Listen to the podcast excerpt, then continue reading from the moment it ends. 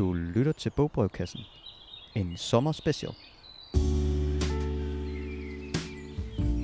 Hej, Hej, og velkommen til Bogbrevkassen. sommerspecial, simpelthen. Vi er vandret over i Slotsparken, og øh, jeg hedder Lise, Jeg hedder Emilie. og øh, vi sidder her i den skønne natur og øh, optager. Vi kan se en and, og vi kan høre fuglekviderne, og vi håber, at I kan mærke sommerstemningen derude. Mm. Ja, vi sidder på en bro og dingler med fødderne ned over vandet, og der kommer også nogle kanoer forbi en gang imellem. Så der er, der er liv i naturen. Og øhm, i de her øh, sommerspecials, vi laver øh, i Bogbrødkassen, har, har vi jo fået øh, postkort fra vores lyttere, øh, hvor vi har bedt dem om at sige, hvor de skal hen på ferie, øh, og så vil vi anbefale noget litteratur derudfra.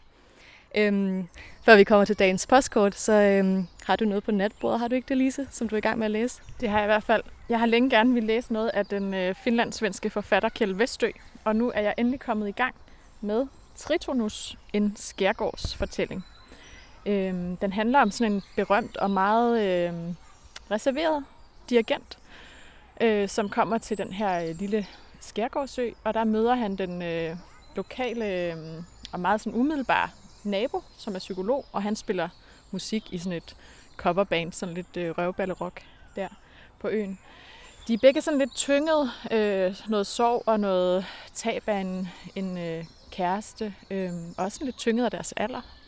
Midal, to midalderne mænd. Og den, altså jeg har jeg er nået sådan en fjerdedel ind. Meget glad indtil videre, og, og det, det er meget fokus på det her øh, storbymenneske, og så mødet med det her lille lokalsamfund. Øhm, og noget af det, som Kjeld Vestø virkelig kan, det er at skrive med utrolig meget nerve i dialogerne. Og man fornemmer meget sådan øh, det her indre kommentatorspor, som man godt kan have kørende i hovedet, når man er på lidt usikker grund og møder nogle mennesker, som er sådan ret fremmede for en. Det gør han virkelig godt. Øhm, så det er sådan en psykologisk roman, men hvor twistet også lidt er, at, at den foregår i sådan en nær fremtid, hvor der har været en, en pandemi, og, øhm, og der har også været et terrorangreb, så det, det regner jeg også med, at det bliver foldet lidt mere ud. Øh, Så sådan en lille ø, hvor verden alligevel kommer meget tæt på.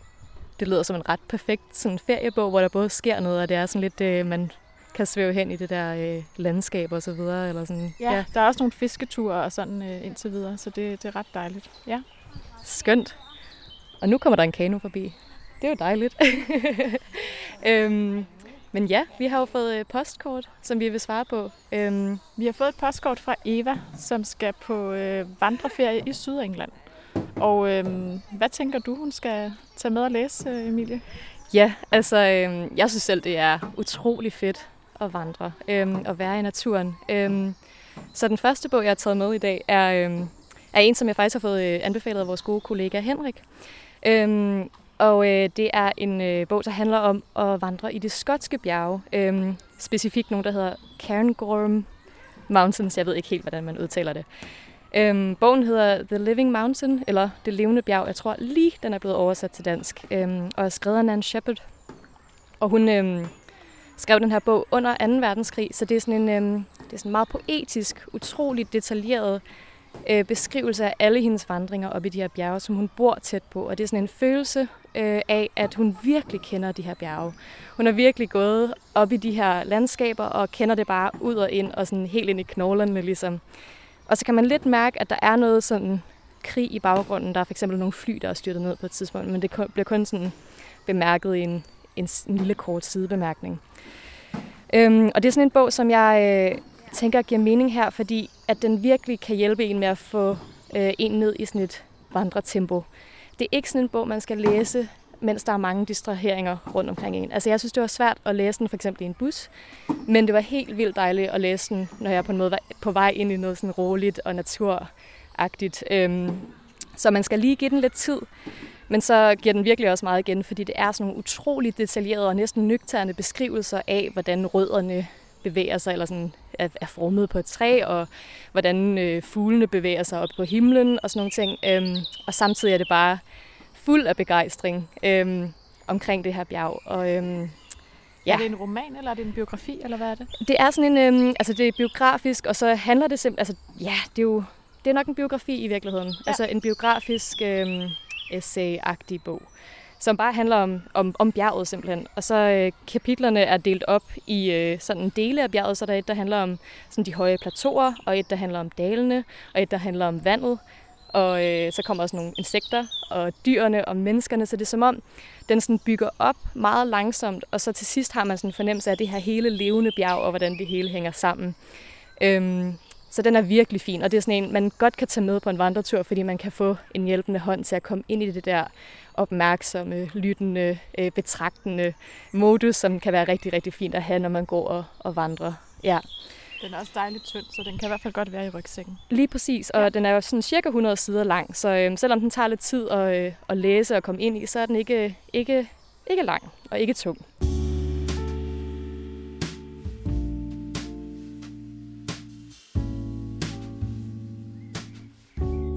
Jeg har taget en lidt øh, tungere sag med. Ja. Men øh, altså ikke sådan i sprogligt er den på ingen måde tung. En lille smule tungere, men man kan sagtens have den med. Det er Levende og Døde i Winsford af Håkan Nesser. Den er helt utrolig stemningsfuld, og så foregår den altså på den engelske hede. Øh, noget, der hedder Exmoor, der ligger i det sydlige England. Og hovedpersonen, sådan en midalderne svensk tv-vært, hun øh, går mange lange vandreture derude med sin øh, hund. Og der er tåge, og der er lyng, og der er vilde heste. Så virkelig meget atmosfære. Og når man sådan har vandret hele dagen på sådan en vandreferie, så tænker jeg, at det er ret fedt at læse noget uden alt for knuder og sætninger. Og så også med et spændingselement, der kan holde en lidt vågen der om aftenen. Øhm, den handler om Maria her, og hun har lejet et gammelt bondehus på heden for at få en ny start, sådan langt væk fra Sverige, øh, hvor hendes øh, mand er blevet anklaget for voldtægt af en ung kvinde. Og forfattermanden, han er altså forsvundet, men hun har hans gamle dagbøger med, hvor han skriver om nogle skæbnesvangre somre i 70'erne i sådan en slags kollektiv i Marokko med et berømt øh, forfatterpar. Og så læser hun de her dagbøger, og hun prøver ligesom at finde sandheden om, hvad der egentlig skete dengang. Samtidig så dukker der nogle underlige døde fasaner op på hendes dørtrin uden for det her bondehus. Hendes hund forsvinder i natten, og hun føler sig også sådan lidt overvåget. Det er virkelig sådan raffineret og foruroligende psykologisk spænding, hvor man stødt og roligt får vendt flere og flere øh, brikker fra, øh, fra parets fortid. Øhm, der er også ret mange sådan litterære referencer. Altså hun sidder i det her bondehus og læser Charles Dickens Bleak House, og hun læser også sådan en, en gammel øh, røverroman fra 1700-tallet, der hedder Lorna Doone, som også øh, foregår på heden. Hun skal også tænde lidt op i pejsen for at holde varmen, og der bliver drukket te og spist biscuits og øh, spiser noget shepherd's pie på den lokale pub, så der, der er sådan meget engelsk øh, stemning. Ej, hvor skønt. Så kan man sådan, ja, gå der og, blive sulten til, til at man skal på puben næste dag. ja, lige præcis. Ja. Mm. Øh, og jeg, jeg vil lige læse lidt op øh, om nogle af de her tanker, hun går og har ude på øh, de lange vandreture. Vi bevæger os i helt naturlige sving rundt om de vandfyldte områder. Hele tiden med blikket rettet bagud for ikke at miste orienteringen. Hele tiden som respektfulde gæster i dette karske, uberørte landskab. Man behøver ikke beslutte sig for det. Følelsen indfinder sig med bydende selvfølgelighed. Man er meget lille. Og pludselig var himlen helt åben og klart blå. Jeg tænkte, at blot den viden, at sådanne dage er mulige, at de findes og bagefter kan være gemt i ens bevidsthed og i almanakken, gør tilværelsen udholdelig på en måde, som jeg har haft alt for nemt ved at glemme. Efter et stykke tid opdagede vi en større flok heste på afstand, måske 25-30 af dem. De stod alle sammen og åd af græsset i en solbeskinnet lavning. Og måske var det sådan, det forestillede jeg mig i hvert fald, at de havde stået der, på præcis samme sted, upåvirket af om verdenskrigen, romerigets undergang og fald, og opfindelsen af hjulet faktisk havde fundet sted eller ej. I denne solbelyste lavning, i dette England, som altså var den nye tids bukke. Hvor fint det er en øh, meget øh, dejlig passage, så der er de her refleksioner, og så øh, mange vandreture og lidt spænding indover. Spænding, vandretur og shepherd's pie. Det lyder ret perfekt. ja. ja, dejligt. Jamen, øh, så kan man lige tage den med i rygsækken på vandreturen. Håkon Nesser, levende og døde i Winsford. Ja, øhm, og så vil jeg lige tilføje en til bunken. Øhm, For nu har vi snakket om en sådan meget naturagtig bog, og en øh, lidt mere spændings-, handlings- og handlingsdrevet bog måske. Øhm, jeg har det i hvert fald selv sådan, at når jeg er ude i naturen, så bliver mine sanser skærpet helt vildt.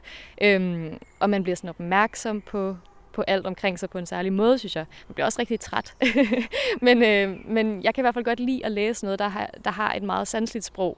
Og hvis man ikke har lyst til at læse noget nødvendigvis om natur, så synes jeg, man øh, sagtens kunne dykke ned i en bog, der hedder Hamnet. Altså ligesom Hamlet, bare med et N i stedet for et L, som er skrevet af Maggie O'Farrell.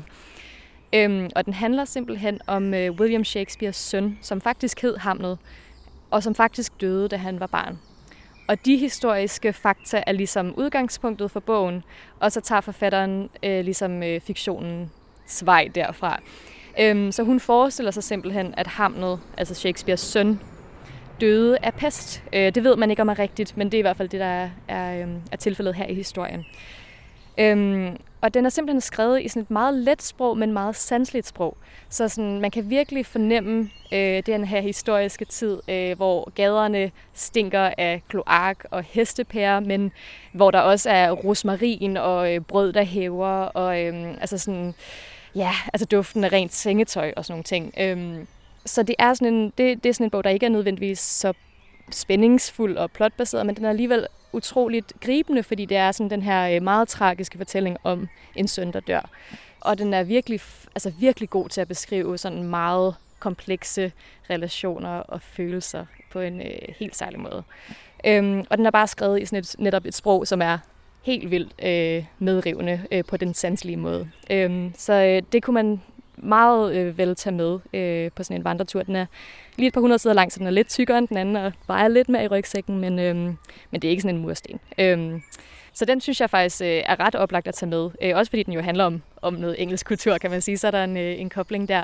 Øh, og noget andet, jeg rigtig godt kan lide ved den, er, at øh, det er Shakespeares kone, som øh, i bogen hedder Agnes. Man er ikke helt sikker på, om hun hedder Anne eller Agnes, men hun hedder Agnes her, øh, som på en måde er centrum for hele historien. Og hun er den her sådan ret særlige øh, kvinde, som er lidt særlingen i byen, og hun kan, øh, hun kan sådan lidt se ind i folks fremtid, og hvis hun mærker en på hånden, så kan hun også lidt fornemme, hvad der foregår med, med en. Øh, og hun kan alt muligt med urter og medicin, øhm, og alligevel kan hun så ikke redde sin søn, øhm, når, når når han bliver syg. Selvfølgelig kunne hun ikke det, men, men det er i hvert fald øh, det er ret fedt, at det handler om Agnes, øh, og Shakespeare bliver det ligesom den her øh, bikarakter, som, som kommer ind og ud af historien øh, lidt mere løst. Øh, den synes jeg i hvert fald virkelig er, virkelig er værd at læse. Øh, og virkelig et, et sådan spændende og fantasifuldt take på, på noget, som er historisk baseret, men ikke følger historiens gang jo.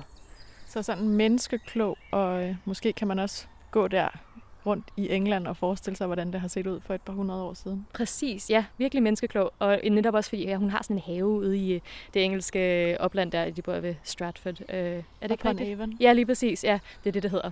Så man kan, ja, det er historisk, så det er ikke, selvfølgelig, som det ser ud i dag, men man kan få den der, det der historiske perspektiv på det.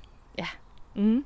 Ja, vi håber, at øh, vi har kunne give noget inspiration til, til vandreferien. Ja. Også til alle andre, der måske bare skal tage en vandretur rundt i lokalområdet. Lige præcis, ja. Og så håber vi, at øh, alle får en dejlig sommerferie derude. Ja, dem der har det. og så når vi kommer tilbage fra sommerferien, så vil vi jo gerne have nogle øh, flere breve at tage fat i til øh, vores podcast. Så skriv endelig til os på info Ja. Tusind tak for i dag. Mange tak. Hej. Hej.